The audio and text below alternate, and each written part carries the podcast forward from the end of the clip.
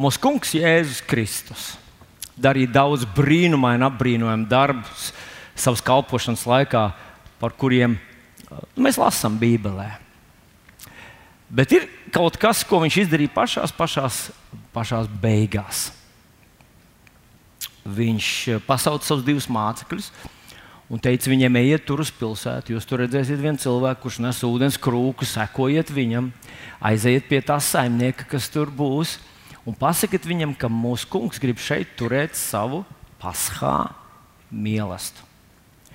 Paskā mīlestība mēs visi zinām, kas tas ir. Tas ir uh, Mozus iedibināts veids, kā viņi atzīmēja, svinēja un pieminēja to lielo brīnumu, kad Dievs izveda savu tautu ārā no Eģiptes zemes. Mēs atceramies, ka maitātājs staigāja pa visu Eģipti un nomaitāja ļoti daudz eģiptiešu, eģiptiešus.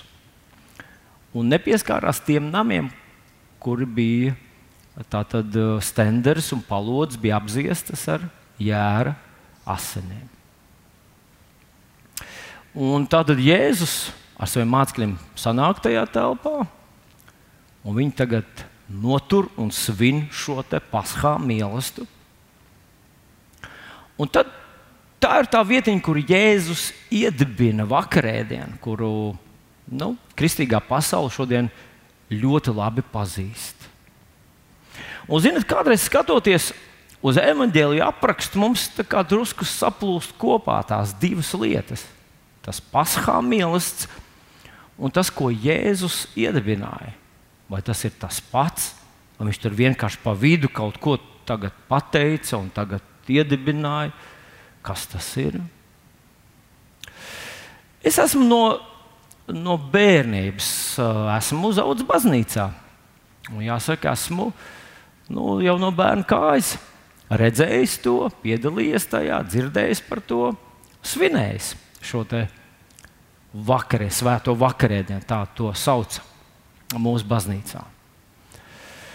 Bet uh, man tā vienmēr tā licies, ka tas ir kaut kas tāds, ko es tā īsti, īsti nesaprotu. Ka tā ir tāda zināma kaut kāda tā kā tāda mistērija, noslēpums.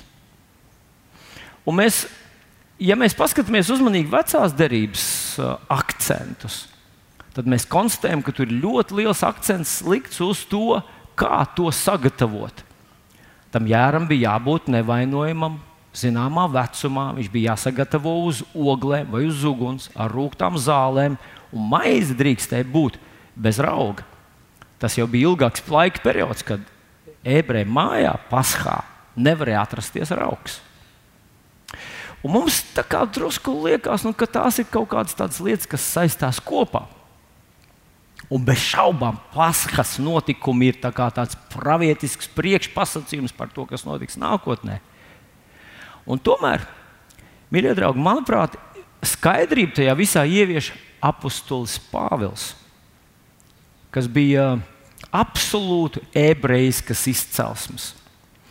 Viņš raksta savā vēstulē, ka viņa ģimenē, viņa mamma runāja tajā valodā, kādā runāja Jēzus. Tā bija nu, es momentāli piemirsu, vai tā bija aramiešu valoda, vai tā bija senēbrēju valoda. Bet tas, ko citi tā laika apstuļi varbūt bija apguvuši, mācījušies, Pāvils saka, ka tas ir kaut kas, kas man ar mācību pienu ir iezīsts iekšā. Tas ir kaut kas, kas man ir pašsaprotams. Un tomēr apelsīns Pāvils nebija bijis Jēzus 12 mācekļu pulkā, kad Jēzus iedibināja šo te. Un, zinat, tas ir interesanti, ka mums varētu likties, ka, nu, ka tas varbūt nav tik ļoti svarīgs. Ka mums vienkārši jāskatās uz to, ko evanģēlijos mācekļi raksta. Bet Pāvils mums saka, ka viņš ir šo īpašo atklāsmi par vakarēdienu nozīmi viņš ir saņēmis no tā kunga. Un mēs lasām pirmā vēstulē korintiešiem, 11. nodaļā, ka viņš to raksta korintiešiem, viņš to raksta pagānu ticīgajiem. Tas pavisam mierīgi mēs ar tevi varētu būt tādi pagānu ticīgie. Un interesanti, ka šajā viņa vēstulē tie akcenti pārbīdās un pārbīdās jaunās derības vai žēlastības laika nu, tādās kategorijās. Nu, Apsolus Pāvils ļoti, ļoti konkrēti atdala divus laikmetus. Viņš saka, ka bija bauslības laikmets un ir ticības laikmets. Tātad bauslības laikmets un žēlastības laikmets. Un bauslības laikmetā atcerieties, tie bija konkrēti cilvēki, kas drīkstēja kalpot tur pie altāra. Konkrēti cilvēki, kas visu to sagatavoja un izdarīja. Tur bija ļoti svarīga kārtība un cilvēki. Jaunās darbības laikmetā vai ticības laikmetā tas ļoti svarīgais un ļoti lielais akcents ir uz tieši uz Dievu vārdu un ticību. Un tāpēc, rakstot korintiešiem, Pāvils vairs nerunā par recepti, kādai jābūt tai maizei. Viņš vienkārši runā, paņemiet maizi. Un viņš nerunā par to, kam jābūt tajā biķerī. Viņš vienkārši saka, paņemiet biķeri. Mīļie draugi, šodien man tā kā gribētos, un lai gan es domāju, ka liela daļa no klātesošiem un tie, kas uh, mani vēro, varbūt jau esat baudījuši vakarēdienu jau vairākus desmitus reizes. Tiešām man liekas, ka svētais gars man pamudināja, lai es par to vēlreiz šodien runāju. Un man gribētos to salīdzināt ar kaut ko. Jo, manuprāt, kad mēs paskatāmies kaut kādām analogijām, mums tās kļūst skaidrākas. Un tā viena no lielām analogijām, kas manuprāt ir ļoti līdzīga šī vakarēdienu iedibinājumam, ir tas, par ko apstults Jēkabs raksta savā vēstulē un raksta 5. nodaļā. Un konkrēti tas stāsts ir apmēram no 13. panta vai 14. panta. 5. nodaļa, 14. pāns, kur apstults Jēkabs saka tādus vārdus. Ja kāds no jums ir nevesels, viņš lai aicina draugus vecais un tie, lai atnākuši pie viņa, to svaida ar eļļu tā kunga vārdā. Un tad tālāk, 15. pantā, viņš paklausīs, ko viņš saka. Esmu pārliecināts, ka jūs to zinat, un tomēr atgādināšu. Un ticīga lūkšana izglābs neveselo, un, ja viņš grēku būs darījis, viņam tiks piedots. Tātad viņš saka, tie, lai aicina, ja kāds ir slims, aicina draugus vecais, un tie atnākuši tā kunga vārdā, lai svaida viņa ar eļļu. Bet viņš nesaka, ka eļļa ir tā, kas darīs to dziedināšanas darbu. Viņš saka, ka tā ticība, tā ticības lūkšana ir tā, kas izglābs vai dziedinās šo cilvēku. Un, ja viņš grēku būs darījis, viņam tiks piedots. Tas akcents, redzat, ir uz tā kunga vārdu, viņa svaidu, viņa tā kunga vārdā, un uz ticību. Un eļļa ir tā tāds Ļaujiet man pateikt, kas ir tā eļļa. Tā eļļa ir kaut kas, kas piedod dzīvību ticībai. Jo atcerieties, tas pats Jēkabs saka, ka ticība bez darbiem viņa, viņa ir tā kā nedzīva. Es domāju, ka visi esat redzējuši kādu nedzīvu ķermeni. Viņš ir nedzīvs. Un tikko mēs rīkojamies uz ticības pamata, tikko mēs kaut ko darām, tāpēc ka mēs ticam, atdzīvojis, ka mūsu ticība kļūst dzīva. Es kādreiz stāstīju par to, kā es fiziski sajūtu, kad mēs atrodāmies vēl blakus mājā. Atcerieties, mums vēl bija vecā mājiņa, trīs stāvu tāda māja, mēs viņu saucām par skoliņu. Un tad mēs sākām darbu pie šī nama būvniecības. Un es atceros, Mārtiņš bija sadabūjis kaut kur tādu nelielu traktoru ar tādu pneimatisku pīķi, un viņš tur pāri pie, piegāja paskatīties, un Mārtiņš sēž ķiverē iekšā. Viss tas traktors kr kratās, un, un tas pīķis neko lielu tur nevar tam betonam izdarīt. Bet zinat, kas notika? Es no augšas to sajūtu. Es iznācu ārā, man liekas, ka visa tā atmosfēra tajā vietā ir pilnīgi cita. Kas padarīja to atmosfēru pilnīgi citu? Ticības darbs. Ne tas traktoriņš, jo vēlāk mēs no tā traktora atteicamies, viņš bija dārgs un neefektīvs. Bet tas, ka tu kaut ko dari saskaņā ar to, kam tu tici, pff, iekustina spēkus, par kuriem tu pat ne, ne, nenojaut, kamēr esi nu, vienkārši kā parasts cilvēks dzīvo. Un es ticu, ka tieši tāpat tas ir par vakarēdienu. Nu, Izlasīsim, ko tad apelsīns Pāvils mums raksta 1. korintiešiem 11. nodaļā. Rekā viņš saka, No tā kunga es esmu saņēmis, ko arī jums mācīju, ka tas kungs tajā naktī, kad tapa nodots, ņēma maizi, pateicās, pārlauza un sacīja: ņemiet, ēdiet, tā ir mana miesa, kas par jums to dod. To dariet mani pieminēdami. Tapt arī biķeri pēc vakarēdienas sacīja: šis biķeris ir jaunā derība manās asinīs. To dariet, cik kārt jūs to dzerat, mani pieminēdami. Cik kārt jūs no šīs maizes ēdat, no šī biķera dzerat. Tātad 26. pāns. Viņš saka, cik kārt jūs to darat. Man tomēr gribas vēl, vēl kādu nelielu ilustrāciju jums uh, atgādināt. Un es domāju, ka lielākā daļa no jums zinat, jau to esat izgājuši tam procesam cauri. Un tas ir, atcerieties, evanģēlists Filips sēž finanšu ministra karietē, viņi brauc pa tūkstnesi, un viņš viņam stāsta evanģēlīju no vecās derības perspektīvas, bet viņš stāsta evanģēlīju par Jēzu Kristu. Un ši, viņi nonāk līdz upei, un šis finanšu ministrs pēkšņi saka tādus vārdus: Redz, kur ūdens, kas stāv pretī, ka es varētu tikt kristīts. Ūdens ir, rekurēs esmu, es gribu to.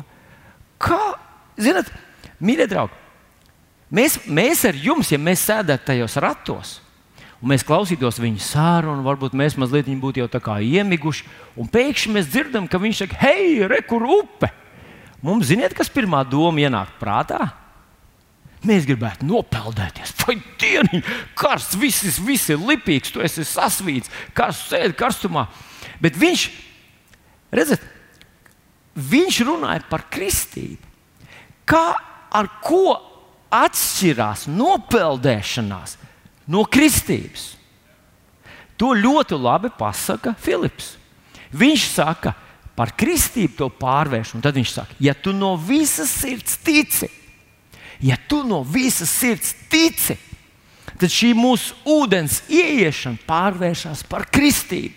Un, ja es teicu, ja jūs uh, ticat, ja ticat un top kristīts, tas taps glābts.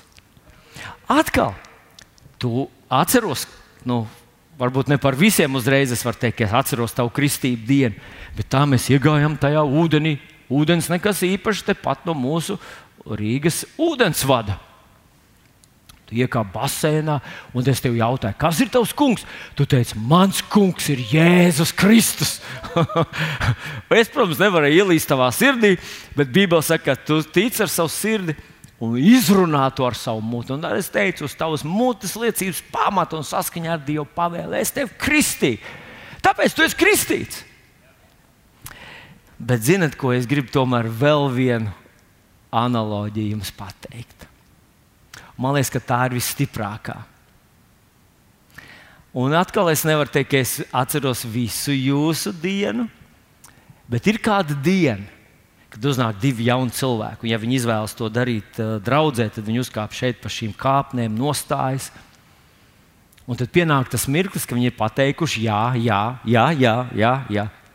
Nu, ko var lielu, lielās nepatikšanās iekulties ar vienu vārdiņu, jā.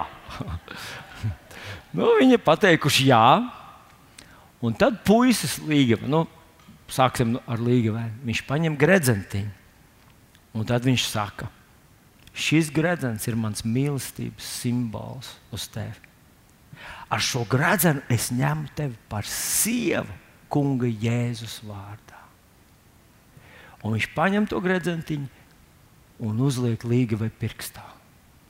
Redzat, kas notika? Viņš ar sirdi tica, viņš to vēlējās un viņš to pateica. Un bez šaubām tur teikt, jā, tur vēl pēc tam mācītāja daļa, kad viņš pasludina viņus. Jā, tur ir arī tas. Ir. Bet īstenībā tas puisis no savas puses ar sirdi ticēja un ar muti pasludināja. Un zinot, ko es jums pateikšu noslēpumu, ko parasti neviens nesaka? Tad, kad viņi pirka to gredzentiņu, kurš pieņēma galīgo lēmumu? Jā, līga viņa. Vai man šis patīk? Jā, bet tur tā, tā, tā, tā, tie cipari man patīk labāk. Nē, man patīk šis, es gribu šito. Nu, labi. Nu, labi. Kalkulators strādā, var kādam iekšā, kādam man. Ai, es kurpēju ietaupīt. nu, uz, uz manām kurpēm ietaupīju. Viņi paņēma, viņi tur uzvilka veikalā, viņi skatījās, viņi rādīja, visi ja viņi fotografēja tādu selfiju. Tā, Tad viņi atnāca mājā, viņi to gredzentiņu. Un tam nebija nekādus, nekādu seku. Bet tad tas pats gredzentiņš, tas puisis ticēja savā sirdī un pateica, un viņa kļuva par sievu.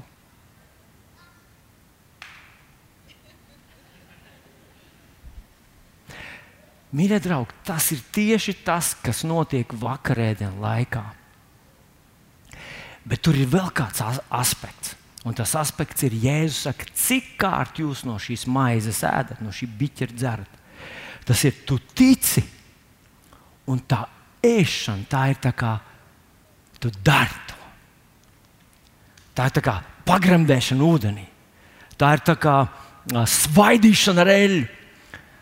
Tu tici, tu pasludini, atcerieties, Jēzus, cik kārt jūs to darat. Es pie sevis mazliet šorīt parēķināju, cik apmēram reizes Vilnis ir ēdis vakarēdienu. Un es rēķinu, ja tu esi mūsu draugs, pieņemsim, tad mūsu draudzē, ja, nav, ja neskaita visas tās ārkārtas reizes, kad mums ir svētīšanās sapulce vai gavēņi, kad mēs kādreiz nobeidzam ar vakarēdienu, tad gadā mums vakarēdienas ir 12 reizes. Nu, desmit gados tās ir 120 reizes. Es rēķinu, ka apmēram 50 gadus es esmu aktīvi piedalījies draudzē. Un, jā, es divus gadus biju dienestā, armijā, tad, es, tad man nebija vakarēdienas. Bet vidu, vi, apmēram tas cipars, es tā pareiķināju, apmēram man tas cipars varētu būt 500 reižu. Es esmu mēdis tā kunga miesu un dzēris tā kunga, no tā kunga biķera. Cik tad dzīves laikā cilvēkam vajadzētu tādu ēst? Un mani piesaistīja šie Jēzus vārdi, cik kārt jūs to darat. Pasludiniet. Ziniet, ar ko man tas asociējas? Man tas asociējas ar jūdas vēstulē, eh, pirmie, tur ir viena nodaļa, 20. pantā uzrakstītajiem vārdiem. Un tur rakstīts tā. Tad, nu, mīļoties, stiprinādamies visu svētākajā ticībā, lūdziet Dievu svētajā garā. Un nu, tas stiprinādamies, tas tā ir tā, mm, tā nu, nu, nu stiprinies, nu, tu, tu, tu, tu stiprinies. Nu, iespējams, ka tas ir ļoti dziļš vārds, es vienkārši neizprotu viņu. Bet man ļoti palīdzēja, ka es paskatījos angļu bībelītē, un tur ir rakstīts tā. Es ceru, ka neviens nesmēsies par mani izrunu building yourselves up. Tātad, uzbūvējot sevi, uzceļot sevi, lūdziet Dievu svētajā garā. Kad mēs lūdzam Dievu svētajā garā, mēs darām procesu, kuru cilvēkam no malas viņš vispār nesaprot, kā tas notiek. Liekas, ka tas ir vienkārši nu, maģisks process, lēns process, nekas nenotiek. Bet tie, kas jūs bijāt pēdējo reizi dievkalpojumā trīs mēnešus atpakaļ, tad jūs apiesiet mājā no tās puses, jūs ieraudzīsiet, ka tajā pusē jau ir uzbūvētas divas mājas par šiem trim mēnešiem. Lēnītēm viņi ķieģelīt pa ķieģelīt veda šurp un lēnām lika kopā un likās, ka oi, būvēs. Atcerieties, kā padomu laikos būvēs. Nu, kā būvē, tā būvē. Bērnu laikā būvē, mazbērnu laikā būvē. Tagad pagāja trīs mēneši, un tur jau viena māja jau, nu, tūlīt jau pārdos dzīvokļus. Un tieši tas ir tas, kas ar mums notiek, kad mēs lūdzam Dievu svētajā garā. Bet tieši tas pats notiek tad, kad mēs ar tevi ēdam, pareizi ēdam vakarēdienu, kad mēs ticam un mēs ēdam. Un mēs to darām atkal. Un ir tāda, ir tāda perioda, manuprāt, cilvēka dzīvē, kad viņam to vajadzētu darīt biežāk. Viņam vajadzētu atkal atgādināt, kas ar viņu ir noticis.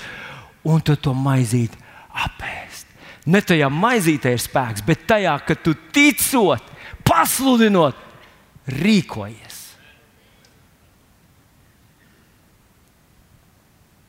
Tu tā kā Rīgas pilsēta tiek uzcelts. Un tas ir tas, ko mēs šajā rītā arī darīsim. Tātad uh, ar sirdi mēs ticam, un mēs, mēs pasludinām to. Uh, man te ir priekšā šie simboli, maizīte un mazs biķerīts. Tie, kas jūs esat mājās, jūs arī varat to paņemt. Un tie, kas jūs esat šajā zālē, tad jūs saprotat, ka mēs nesteidzamies uzreiz visiem, ka mums ir katram ir tā tuvākā vieta, mierīgi norientēties, kur tas ir. Bet es ar tiem, kas mājā, es, es pa, parādīšu apmēram, kā man šķiet, kā būtu pareizi, efektīvi to darīt. Es paņemtu to maizīti, un tad es parakātos savā sirdī, kas tur ir, kas ir tas, tās būtiskās lietas, ko viņš izdarīja priekš manis. Un tad Man visdrīzāk gribētos atcerēties tos vārdus, kas uzrakstīti iesai eh, grāmatā 53. nodaļā, 5. pantā. Un tur bija rakstīts tādu vārdu apmēram. Viņš bija ievainots manu pārkāpumu dēļ, manu grēku dēļ, satriekts. Mans sods bija uzlikts viņam, man par atpestīšanu. Ja es teicu, tā ir mana miesa, kas par jums to nodot.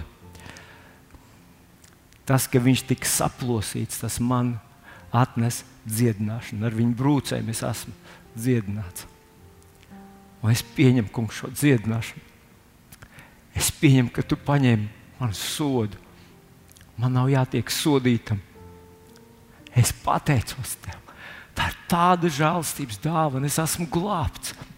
Mans vārds ir dzīves grāmatā. Es esmu Dieva bērns. Un es to pateicu, svinu un pieņemu to kunga jēzus vārdā.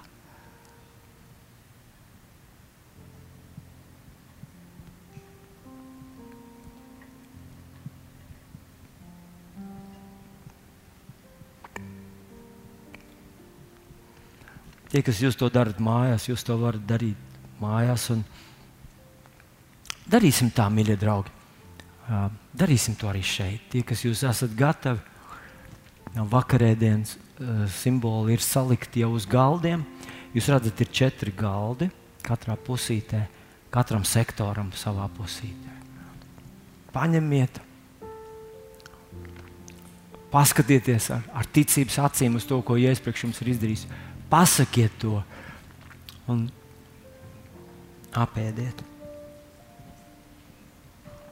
Ja mums būs laiciņš daudz, nestāvēsim rindā, nesteidzieties, lūdzu, pavisam mierīgi. Ja tur ir rinda, druskuļi pagaidiet, jūs varat pasēdēt. Un...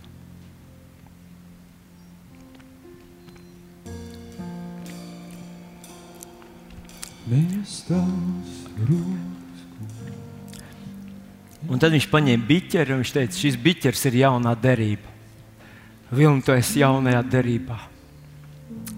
Jāna, Pētera, Ilza, Liena Tu esi jaunajā derībā. Vienas durvis ir aizvērušās, lai nekad vairs neatvērtos. Atvērās jaunas durvis, mīlestības, augstas, plašas, pieejamas durvis. Tavs vārds ir dzīvības grāmatā, vilni pār tevi. Kristus paņēma visu bauslības lāsu, lai Abrahams svētība nāk par tevi. Tu esi svētīts ar visādi veidu garīgu svētību debesīs. Dievs tev palīdz! Viņš ir vilni tavā pusē. Tavā dro, priekšā ir droša nākotne, jo tev ir līgums ar pašu Dievu. Viņš ir, viņš ir tavā pusē. Un es svinu, pateicos, es apliecinu, es ticu, es pieņemu šo svētības derību, derību Kristus asinīs, Jēzus vārdā. Šodien es vēl gribu jūs mazliet uzrunāt. Un, uh, lai gan kādam no jums jau ir tāda varbūt, tā sajūta, ka jau, nu, jau, jau, jau sāk zeme ne, nedaudz uzsilt zem kājām, ka jau viss ir izdarīts, vakarēdienas ir pieņemts. Uh, bet gribētu teikt, ka es ticu, ka arī šo svētais gars ielikt manā sirdī, lai es padalos ar jums ar šo vārdu, un ka tas ļoti ticu, ka tas palīdzēs mums arī uh, aiziet tālāk. Tas uzrakstīts Marka Evanģelijā, 4. nodaļā. No 14. panta un uz priekšu. Tātad Marka Evanģelijas 4. Uh, nodaļa no 14. Un mēs visi zinām, ka šeit ir runa par sējēju un četrām dažādām augsnēm. Sējais sēž sēklu, un tradicionāli mēs droši vien, ka lielākā dom, daļa domājam, ka tie ir četri dažādi cilvēki. Vai vismaz četri cilvēku tipi. Un, kad ja tu esi ceļmalā, nu tad tu esi ceļmalā, piedod, tev nespīd. nu, nekādā veidā. Bet, zinot, es ticu, ka svētais gars uzrunā mani, mani personīgi. Es to varu sazīmēt savā dzīvē. Un tāpēc es uzdrošinājos to pateikt, arī attiecināt arī uz tevi. Un, ja tu esi jau ilgāku laiku ticīgais, ja tu esi piedzimis ticīgi vecāku ģimenē, tad visdrīzāk, ka tieši viens pret vienu tas tā darbojas tavā dzīvē. Un ko tad? Ka šis ir cikls, kuram lielākā daļa cilvēku iziet cauri. Kāds cikls? Ka sākotnēji tu biji ceļmala, pēc tam tu biji tā sekla augsne, pēc tam tu biji tā augsne, kur uzņēmās, bet, uh, var sakot, iziesim tam lēnītam cauri. Kas tad ir rakstīts? Sējais sēž vārdu, bet šie ir tie, kas ceļ malā, kur vārds top sēts, pie kuriem, kad tie to ir dzirdējuši, tūdaļ nāk sātans un noņem viņu sirdī sēto vārdu. Mani vecāki bija ticīgi vecāki. No bērnības es jau tiku vests uz dievkalpojumu, svētdienas skolu un tā tālāk. Es piedalījos visās tajās lietās. Bet zināt, ko es jums gribu pateikt? Ka sākotnēji, kad man vecāki stāstīja par Dievu, par Jēzu, par glābšanu, Tas, ko viņi man šajās lietās stāstīja, ierindojās tajā pašā kategorijā, kad viņi runāja, ka vajag ēst dārzeņus, vajag tīrīt zobus un vēl visādas labas lietas darīt. Es klausījos, klausījos, nekādu sajūsmu tas manī neizraisīja. Un uz dievkalpojumu visdrīzāk es gāju līdzi viņam, tāpēc, ka vecāki gāja, kur tad es viens iešu, es pat mājās palikt baidos viens pats. Nu, es gāju līdz saviem vecākiem uz dievkalpojumu, sēdēju tur, bakstīju degunu dievkalpojumu laikā, gulēju. Nu, vārds, ko centos izdzīvot līdz dievkalpojumu beigām. Es biju tipiska ceļmala, kad man uzrunāja arī kāds, kas personīgi kaut ko vilnim gribēja pateikt. Es atceros, bija radinieks, mums tāds laimons, kurš vienmēr kā kaut ko mēģināja pateikt. Tev. Tad, kad viņš uz maniem runāja, es biju, ziniet, Iespējams, jūs arī esat satikuši tādus ļoti inteliģentus, ļoti tolerantus, ļoti brīnišķīgus cilvēkus. Tas ir cilvēki, kas ir atvērti visam. Nu, saki, saki. Jā. Viens baptistu mācītājs, kad viņam stāstīja par svētā gara kristību, viņš teica, es esmu atvērts šim piedzīvojumam. Kā, es nepratos, ja dievam to vajag, nu, viņš zina manu adresi, lai nāk šurp. es viņu ārā nedzīšu. Bet mēs zinām, ka ar tādu attieksmi nekas dzīvē nenotiek. Jo šodien tu dzirdēji vārdu, un rītā tu aizmirsti. Un tad radās tā sajūta, radās tā sajūta, ja tas tiešām būtu kaut kas vērtīgs, ja tas būtu kaut kas nozīmīgs, es to atcerētos. Ziniet, no tās sērijas, ja es tevi nepazīstu, tad tu nekas neesi.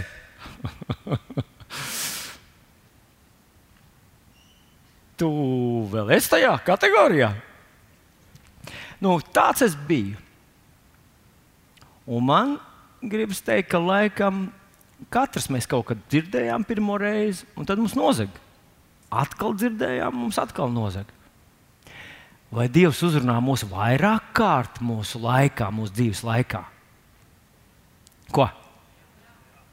Ziniet, es kādā vietā stāstu līdzību par eh, debesu tēvu, par dārzu, kur viņš iz, iznomāja strādniekiem. Tad viņš sūtīja savus kalpus, lai, tie, lai, lai viņi dotu viņam augļus. Un tad viņš, tagad, viņš sūtīja vienu, un otru, un trešo, un ceturto. No beigās viņš sūtīja savu dēlu. Un viņam vajadzēja ātrāk pielikt, jo vienu viņa piekāpa, otru apmētā ar akmeņiem, trešo padzina, trešo, e, ceturto izsmēja. Vārdsakot, cik daudz reižu Dievs pacietīgi uzrunāja. Un, ziniet, vēl kāds man arguments atnāca. Jūs, nu, jūs zināt, kā jūs tapāt, vai ne? Spermatozīts savienojās ar olšūnu, kuram nekas nav zināms par tādām lietām. Vai jūs droši vien, ka jūs zināt, cik daudz spermatozoīdu tiek palaists tajā maratonā, lai tikai viens aizskriet līdz galam? Jā, paldies. Te ir da, dakteris vīrs, zina, ka miljoni. Paklausieties, ja es būtu Dievs, es būtu teicis pieci. Pieci spermatozoīdi pietiek. Nav ko. Tikai viens ir vajadzīgs. Ja es būtu ļoti dāsns, piemēram, es teiktu, nu, 50. Nu, 50 tas ir vienkārši pārāk izšķērdība. Bet jūs zināt, ka Dievs ir iekārtojis to, ka vienā tajā reizītē, nu, nu, jūs, tajā reizītē, vairāk kā 5 miljoni spermatozoīdu tiek palaisti, lai tikai viens noskrietu maratonu līdz finišam. Man tas runā par to, ka Dievs tiešām uzrunā mūs vairāk kārt, ka Viņš nepadodas, ka Viņš sūta savu vārdu, met to sēklu. Un, ja tu esi ceļā un tev vienreiz nozog, otrreiz nozog, trešoreiz nozog, ceturtoreiz nozog, viņš atkal un atkal mūs uzrunā. Un tā mēs nonākam pie otrās ticīgo kategorijas. Nu, es tos pirmos gan īsti nesaucu par ticīgiem. Es teiktu, ka tie ir vienkārši cilvēki, kas klīst pa pasauli tā kā universitātes kaķi. Viņi vien, vienu dienu iezogās ateismu lekcijā, un tur dzird kaut kādas saprātīgas frāzes. Nākošā dienā viņa teoloģijas fakultātes lekcijā ielien tas kaķis, un arī tur viņam patīk. Tādi atvērti cilvēki, uh, nu, kas visur jūtas labi. Bet paklausieties, kāda ir otrā kategorija. Un tāpat tie, kas uz akmenēja sēt, ir tie, kas vārdu dzirdējuši, tūdaļ to uzņem ar prieku. Bet tiem nav saknes sevi. Tikai kādu laiku tie ir ticīgi, kad bēdas un vajāšanas uziet vārdu dēļ, viņi tūdaļ apgrēkojas. Nu, kas, ir, kas ir šis posms cilvēka dzīvē? Arī manā dzīvē tāds posms ir bijis, ka tu sāc ticēt. Jā, jā, jā, jā, jā, jā, jā, jā tā ir. Jā, jā. Izklausās loģiski. Tam tā vajadzētu būt. Jā, Dievs ir. Jā, ir mūžība. Jā, Jēzus. Jā, labāk. Jā. Vai šis cilvēks ir glābts? Viņam tas ir ļoti virspusēji, tā ticība. Tā ticība ir kaut kas tāds, ko viņš atzīst, pazīst. Viņš pat ir veltījis drusku laika, lai to iepazītu, kaut ko uzzinātu vairāk par to. Bet tas arī nu, tas runājot tādas vispārīgās kategorijas, tas arī viss. Ziniet, es to pielīdzinātu Pitagora teorēmai. Mēs visi viņu zinām, vai ne? Prasīt kaut kādu laiku, lai mēs viņu apgūtu un izprastu, bet viņa absolūti neietekmē mūsu dzīvi pareizi. Viņa taču neko, ne tu ilgāk dari šo, ne to, ne tu dodies tur, ne nāc mājās. Pitagora teorēma tev ir vajadzīga tikai tāpēc, lai attiecīgā situācijā pie attiecīgā cilvēka tu pateiktu pareizo atbildi, tu sev uzskatītu par inteliģentu cilvēku, tas ir jāzina, un tas ir viss. Mīļie draugi, manā dzīvē ir bijis posms, kad nu, pareizes atbildes ir svarīgi. Ja es piedzimu Betlēmē, nomiru Golgātā, trešā dienā. Tēvs bija Jāzeps, vai patēvs bija Jāzeps, Marija. Nu, nu, tur bija avis, kūtiņā, zvaigznes, austrumu gudri, viss Pāvils. Nu, tu to visu esi apguvis. Un tev ir tā sajūta, nu, ka, ka tā ir tā lielā ticība.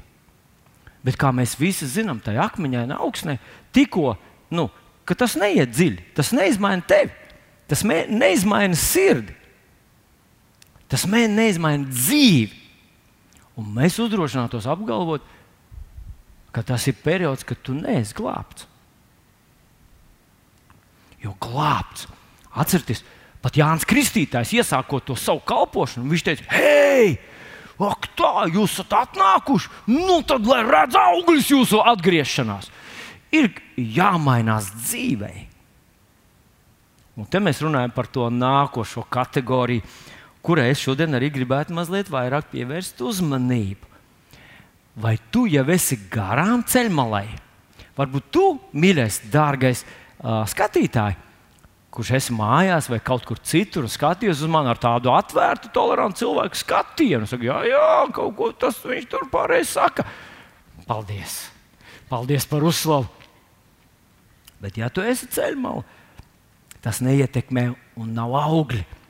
Ja tu esi tā, tas seklais, virspusējs, ticīgais, Zini, ko tev varbūt sajūta ir, ka viss ir labi, bet rezultāti tavā dzīvē no tā nav. Gluži kā šajā stāstā un līdzībā.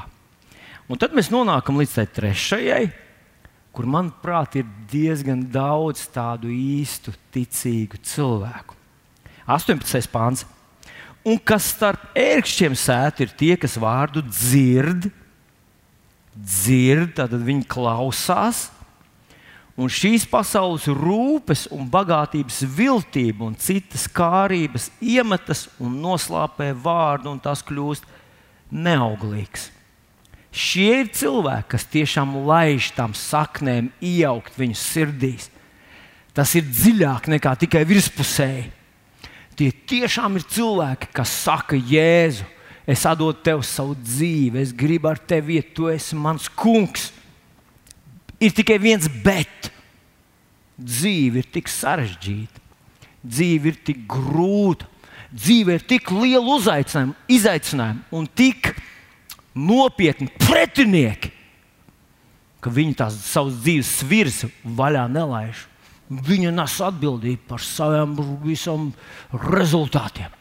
Un agrāk vēl bija vieglāk, viņam vajadzēja tikai par sevi rūpēties. Tagad viņam ir jāgādā, lai viņam ir arī kaut kāds dievkalpojuma maiznes, desmit to iedot. Un tad, kad ir tās dzīves lielie, reāli izaicinājumi, tad Dieva vārds paiet otrā plānā un viņu uzņemas ar rīpīru krunkās. Un viņi saka, rūpes, man tas jāiet, man jāiztur, man jāizstāv. Es esmu tas, kurš sagādā to rezultātu. Es esmu tas, kurš uzvar tajā cīņā.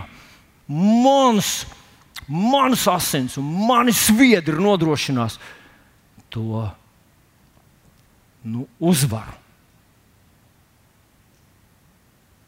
Ziniet, viņi īsti neusticās Dievam. Jo ja nu tas nenostrādā, ja nu viņš nepalīdz. Atcerieties, kā Dievs uzrunāja Abrahāmu. Abrahāmu viņš uzrunāja 1. mūža grāmatā, 12. nodaļā, 2. pantā, uzrakstīt, paklausieties kādu vārdu. Es tevi darīšu par lielu tautu. Viņš nesaka viņam, nu, elementāri, top par lielu tautu. Es tevi darīšu par lielu tautu. Tālāk viņš saka, es tevi svētīšu un darīšu lielu tavu vārdu. Es, nu, tas tā kā mēs. Mēs ar Normālu būtu sarunāti kaut ko kopā darīt. Un Normāls saka, es darīšu to un to. Es aiznesīšu, es sagādāšu, es atvedīšu. Un kā? Kas to darīs? Normāls. Man vairs par tām lietām, par kurām Normāls uzņemas rūp. Nevajadzētu nest sevī to rūpību. Jā, kā es atnesīšu? Pagaidām, Normons teica, ka viņš to izdarīs. Un redziet, te sākās tā īstā dziļā ticība un kristietība. Ka tu uzticies Dievam līdz tādam mērogam, ka tu esi gatavs riskēt ar savu dzīvi, ka Viņš to izdarīs. Viņš ir uzticams. Un te Tas ir diezgan nopietns lēmums, ka tu nonāc tajā vietā, un lai gan tās rūpes, un bagātības viltība un visādas kārības, tās nu, liek to smagums uz taviem pleciem, tu tos pārliec uz viņu un uzticies viņam. Mīļais draugs, šajā rītā es gribu uzrunāt tevi, kas tu sēdi šajā zālē. Un iespējams, ka ticība ir dziļa tavā sirdī. Iespējams, ka tu par to tiešām piedomā, bet tu neusticies viņam tajos lielajos dzīves pagriezienos un izaicinājumos. Tu domā, ka ja tu nu, tajā it kā gudrajā teicienā, un tomēr ļoti neticības pilnajā teicienā, kur ir teikts, ja tu gribi, lai kaut kas ir izdarīts, dari to pats. Bet patiesība ir, ja tu gribi, lai kaut kas ir izdarīts, uztic to Dievam. Patiešām uztic to viņam. Ne, es nesaku par to, ka tu neko nedari, bet es runāju par to, ka tu tici, tu zini, ka viņš to līdz galam izdarīs.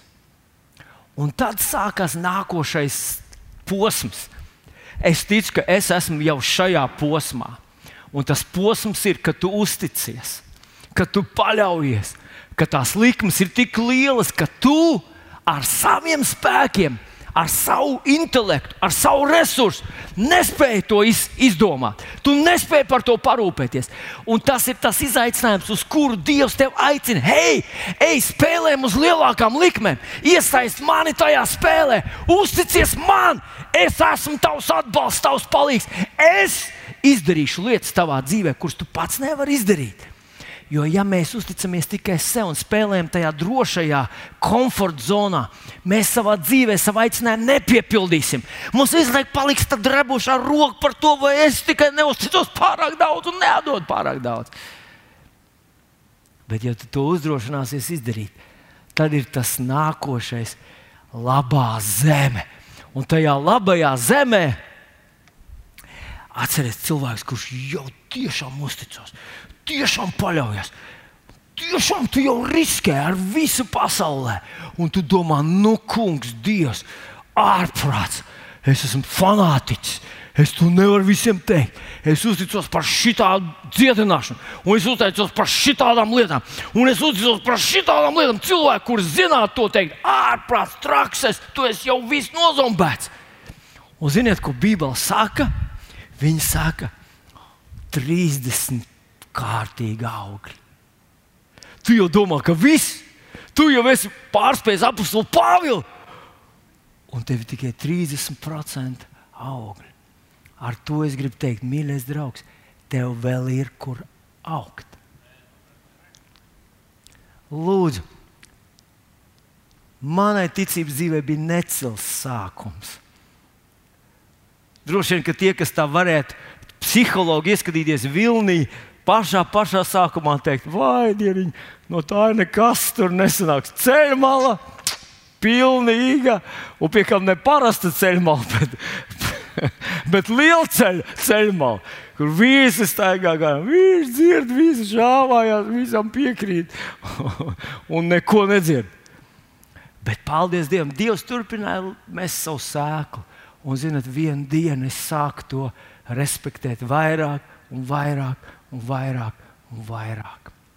Un es vēl neesmu pabeidzis šo savu ceļojumu. Un gribu tevi uzrunāt, mans mīļais brāl un māsa. Dievam priekš tevis ir vairāk kaut kas. Tu esi kaut ko piedzīvojis. Ziniet, nu, es nezinu, kā lai es to. Es vienreiz lūdzu par vienu cilvēku Dievu.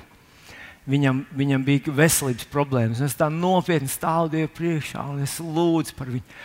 Un, zinu, pēkšņi svētais gars man saka tāds interesants vārds. Ko tu tā lūdzi, it kā, it kā viņš kā slīktu? Ja? Ko tu tā lūdzi, it kā viņš diezgan veiksmīgi ar to problēmu tiek galā? Un run, mēs runājam, kā, vai, vai es saprotu, ka runa ir par tādu garīgu panākumu, viņam ir garīgs rezultāts tam. Un tad es vēlāk tikai tā sapratu, ka ka par 30% viņš redz rezultātu. Bet tas vēl nav viss. Es gribu atgādināt, Efeziešu vēstulītes 4.20. Bet Dievam, kurš ar savu spēku darbojamies mūsos, spēj darīt neizmērojami vairāk, neizmērojami vairāk par visu, ko lūdzam vai nojaušam. Dievam, kurš ar savu spēku darbojamies tavā un manā dzīvēm vai tās ir finanses, vai tā ir veselība, vai tā ir kāda cita sfēra tavā dzīvē. Viņš var darīt vairāk. Tikai neapstājies tajā gājienā no tās ceļmalas, kur tev viss apzaga.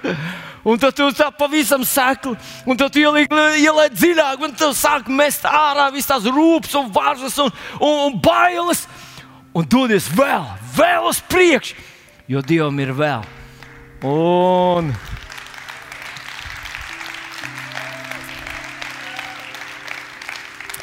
tu redzēsi lielāku dievu spēku.